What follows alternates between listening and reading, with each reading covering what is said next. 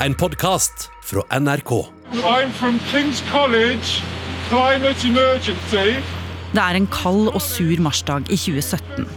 En middelaldrende mann med gråbrunt hår sitter utenfor Kings College i London på en campingstol.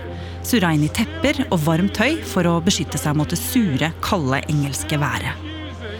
Ved siden av seg har han et skilt der det står Dag 14 av sultestreiken. We're protesting and we're going to make a change this policy. Men det ingen av de forbipasserende vet, er at dette stuntet på mange måter skal bli starten på en helt spesiell kalkulert form for miljøaktivisme som har spredt seg over hele verden. Du hører på Oppdatert. Jeg heter Ragna Nordenborg. I forrige uke så slo Extinction Rebellion til i Norge igjen i en serie av eh, klimaaksjoner. Og flere steder så kunne man se disse bannerne med denne timeglasslogoen, som symboliserer at tiden er i ferd med å renne ut, og klimaet det må reddes. Ina Swann er journalist i Oppdatert. Og hva var det de gjorde? De tok seg annet inn i foajeen til Olje- og energidepartementet for å demonstrere mot eh, norsk oljepolitikk.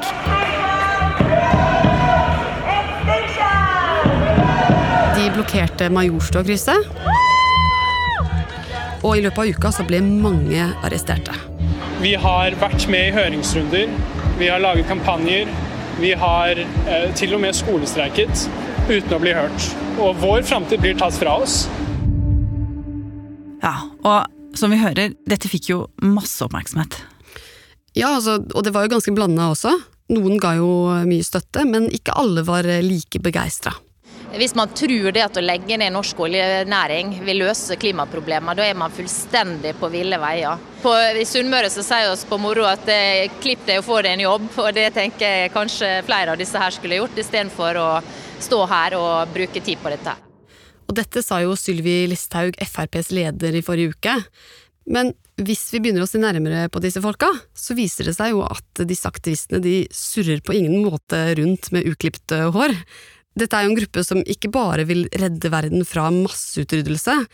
Det er også en bevegelse som har laga en helt spesiell fremgangsmåte, mye basert på en kar som heter Roger Hallam og hans metode. Ja, og dette her er jo litt av en type, må jeg si. Kan ikke du fortelle hvordan det starta for ham? I 2006 så drev Roger Hallam en organisk gård i Sør-Wales i Storbritannia. Han hadde rundt 20-30 ansatte, de dyrka alt mulig av grønnsaker, og det var en god business, rett og slett. Mm -hmm. Men juni 2006 så skjedde det noe. Det begynte å regne, og regnet det stoppa ikke. Det regna i fem uker i strekk, rett og slett ekstrem regn. Og alt av grønnsaker, hele inntekten til Roger for det neste året, var ødelagt. Men dette skjedde jo ikke bare én gang, for i årene som kom, så skjedde det gang på gang. Det førte til at businessen hans gikk over ende, han måtte si opp ansatte, og han mista deler av levebrødet sitt. Og Roger han begynte da å lure på hva det her var for noe, altså var det tilfeldig? Så han begynte å se nærmere på disse værfenomenene. Og da så han jo at dette skjedde jo ikke bare med han, det skjedde jo med bønder over hele landet, over hele Europa. Og han ble rett og slett overbevist om at dette hadde med klimaforandringer å gjøre. A wind of change is sweeping across the Arctic. The effects of climate change can take many forms. For some, rising sea levels, others, more extreme weather and severe hurricanes. Is it possible that we should prepare against other threats besides terrorists? Og det her, det tente jo en gnist i han. Han følte at han måtte gjøre noe. Han måtte få verden til å våkne, de måtte innse hva slags katastrofer vi sto overfor. Og det var jo da masseutryddelse, mente han. Og etter fem år med pønsking på hva han skulle gjøre, så fant han ut av det.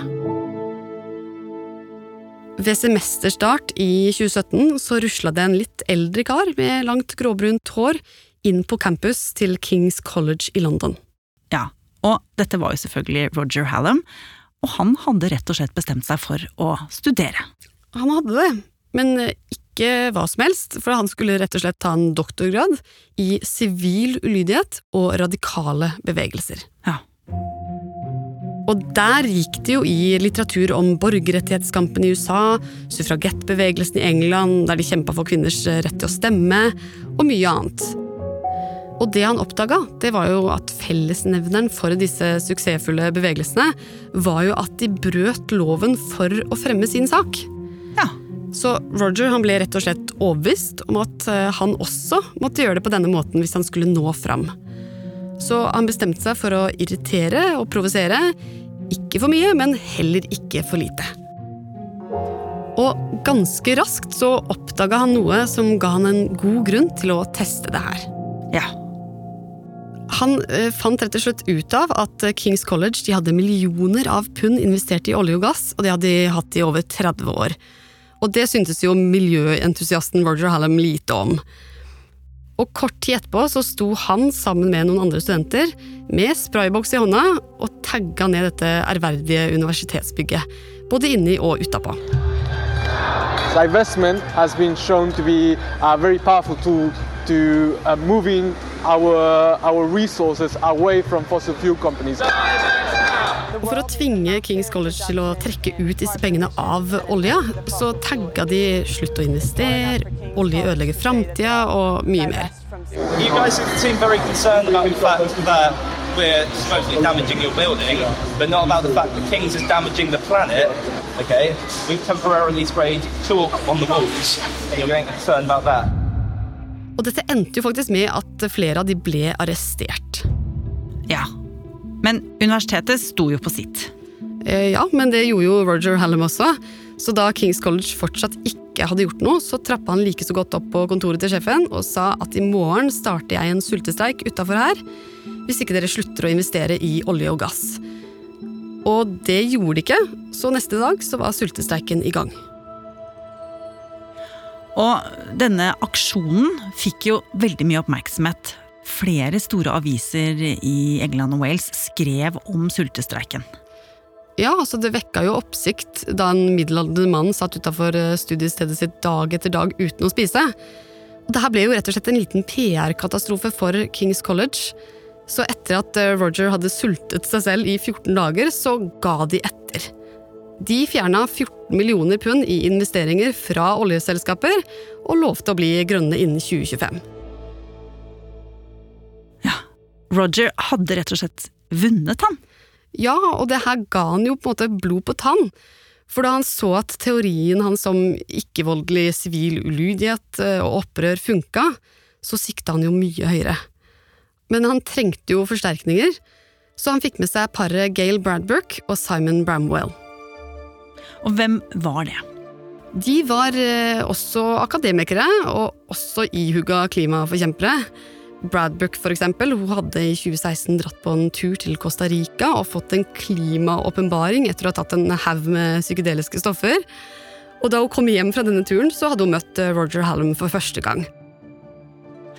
Og disse tre, altså dette kjæresteparet og Roger Hallam, skulle jo bli en velfungerende trio.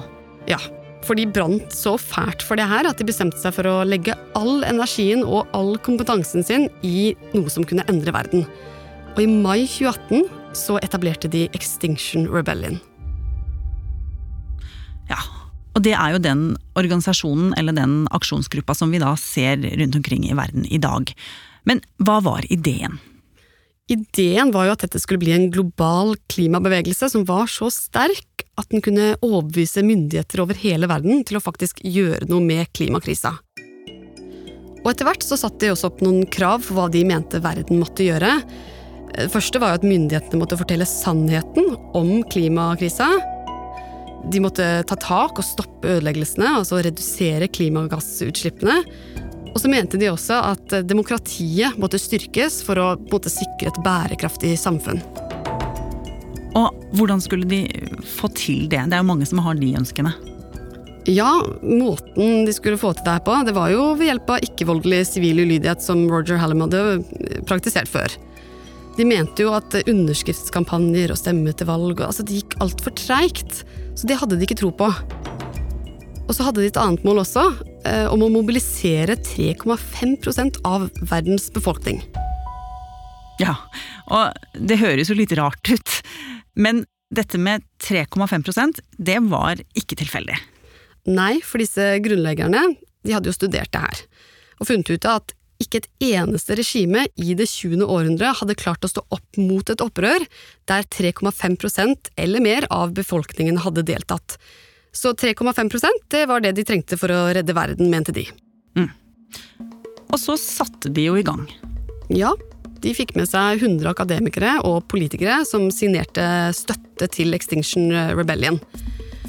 Og da de fikk det, i oktober 2018, så var jo bevegelsen ordentlig i gang. Den hadde fått legitimitet. Og så begynte det jo å skje ting. Thank you for what is just the beginning. Broer ble okkupert. Aksjonister la seg ned i trafikkerte kryss. De limte seg fast nakne i bakken utafor parlamentet i Storbritannia. De helte liksom-blod over seg selv utafor statsministerens bolig. Altså, de gjorde helt ville ting som fikk ganske mye oppmerksomhet. So I'm still taking you up on your offer to go to prison as well. Yeah, no, well, I'm, I'm absolutely ready to be arrested. Yeah. Og man kunne jo da se hvordan denne bevegelsen også fikk mer og mer støtte i Storbritannia. Ja, Men ikke bare i Storbritannia. Overalt i verden så begynte å poppe opp Extinction Rebellion-grupper. Og etter en stund så fantes det faktisk eh, Extinction Rebellion-grupper i over 60 land. Også her i Norge. Vi er her fra Extinction Rebellion Norge.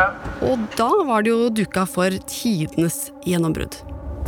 Environmental protesters have closed Waterloo Bridge with trees in their fight against climate change. I London limte flere demonstranter seg i dag fast til togvogner. De ville få folk til å stoppe opp og tenke over klimaendringene. The campaign group say they want zero carbon emissions by 2025. 5. april 2019 så dukka tusenvis av Extinction Rebellion-demonstranter opp i Londons gater i det som var en nøye planlagt aksjon.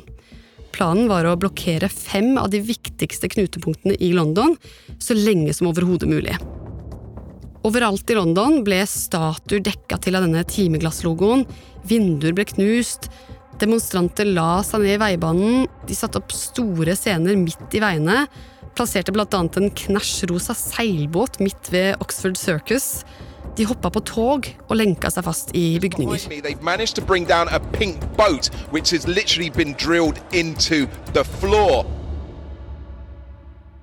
Ja, og dette her var jo veldig fascinerende å se. Altså, en by som London, store deler av denne gigantbyen, stoppa rett og slett opp i ti dager i strekk. Og dette er jo da omtalt som den største sivile masseulydighetsaksjonen noensinne i Storbritannia. Og Resultatet var jo at 1000 mennesker ble arresterte, og politiet har jo beregna kostnadene til 7,5 millioner pund. Ja. Men med denne suksessen så begynte jo på en måte også nedturen. Ja, for mange begynte å stille seg spørsmål om denne gruppa faktisk var så ikke-voldelig som de ga seg ut for å være. Det hadde jo vært en del hærverk i London, trafikken hadde stått fast. Ikke nok med det, sykebiler hadde jo ikke kommet fram, folk hadde ikke kommet på jobb, og butikkene i områdene de hadde jo tapt masse, masse penger. Men så skulle jo frustrasjonen bli enda større.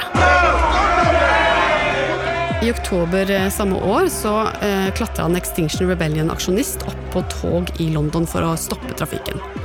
Og da ble folk som pendla så sinte at de rett og slett dro han ned og banka han opp.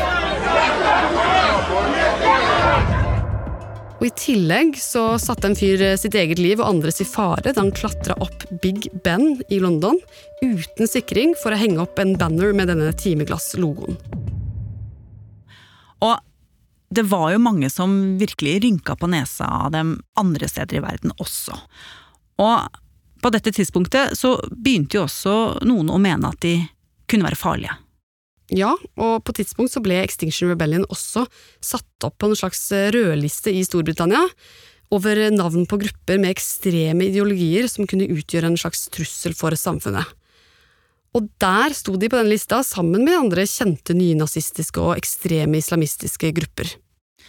Og selv om de jo etter en stund faktisk ble fjernet fra denne rødlista, så begynte jo Roger Hallams livsprosjekt å vakle, rett og slett. Ja, men det var ikke bare utad det begynte å vakle, også innad i Extinction Rebellion. For i tiden etter disse kolossale aksjonene så var jo gruppa ganske uenige om hvilken retning de nå skulle ta. På den ene sida så hadde du Roger Hallam og gjengen, som hadde starta gruppa, og som mente at jo mer ulydighet, jo bedre. Men på den andre sida så hadde du den litt mer yngre generasjonen, som mente at eh, det å bli for provoserende, det kunne skade bevegelsen. Ja, så det ble rett og slett eh, splittelse i denne bevegelsen. Og hvem vant? Nei, det var ikke noen som vant, akkurat. Men det man så, det var jo at de på en måte endra strategien litt. For i 2020-strategien så sto det nemlig at de skulle på en måte eh, gå vekk fra å okkupere store steder over lengre tid, til å heller aksjonere litt flere steder over kortere tid. Men så kom jo korona, og aksjonisme ble jo generelt vanskelig å drive på med. Men for kort tid siden så kunne man jo se at uh, Extinction Rebellion-aksjonister var med på flere korte aksjoner i Oslo. De er med andre ord tilbake for fullt.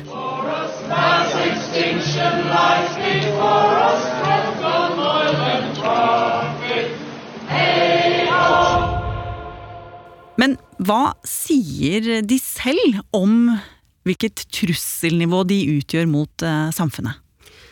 Jo, det måtte jeg jo finne ut av, så jeg tok en prat med Jonas Kittelsen. Han er en 24 år gammel Extinction Rebellion-aktivist, som blant annet var med på å organisere disse aksjonene i Oslo. Det er en veldig viktig forskjell mellom å være radikal og å være ekstrem. Vi er radikale. Vi er radikale i den forstand at vi sier at status quo ikke er greit, fordi vitenskapen sier det. Så vi vil radikalisere klimadebatten for at det nødvendige, altså det nødvendige er det det er vitenskapelig konsensus om at vi må gjøre for å unngå katastrofale følger. Den type radikalitet kjemper vi for. Men vi er ikke ekstreme.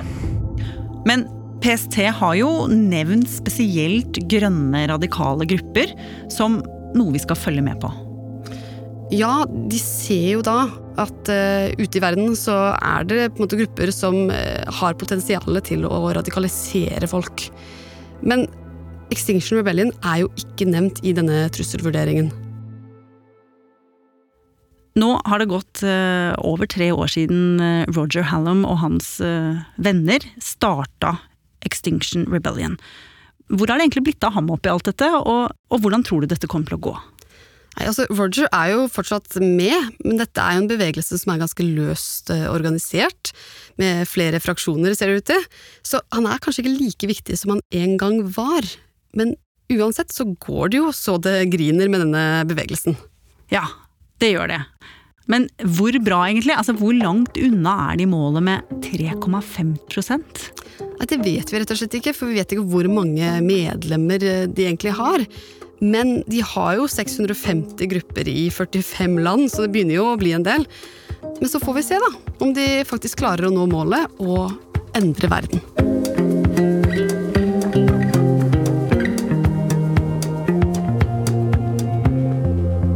Har du lyst til å bli fast lytter av oss i Oppdatert og få påminnelse om nye episoder, er det bare å følge oss i NRK radioappen. Og så er det veldig hyggelig hvis du vil anbefale oss til en venn. Oppdatert er en podkast fra NRK Nyheter. Og denne episoden er laget av Ina Swan, Pål Gauslå Sivertsen, Andreas Berge og meg, Ragna Nordenborg. Knut Are Tornås er redaksjonssjef. Vil du kontakte oss, gjør gjerne det på oppdatert krøllalfa nrk.no. Du har hørt en podkast fra NRK. Hør flere podkaster og din favorittkanal i appen NRK Radio. En podkast fra NRK.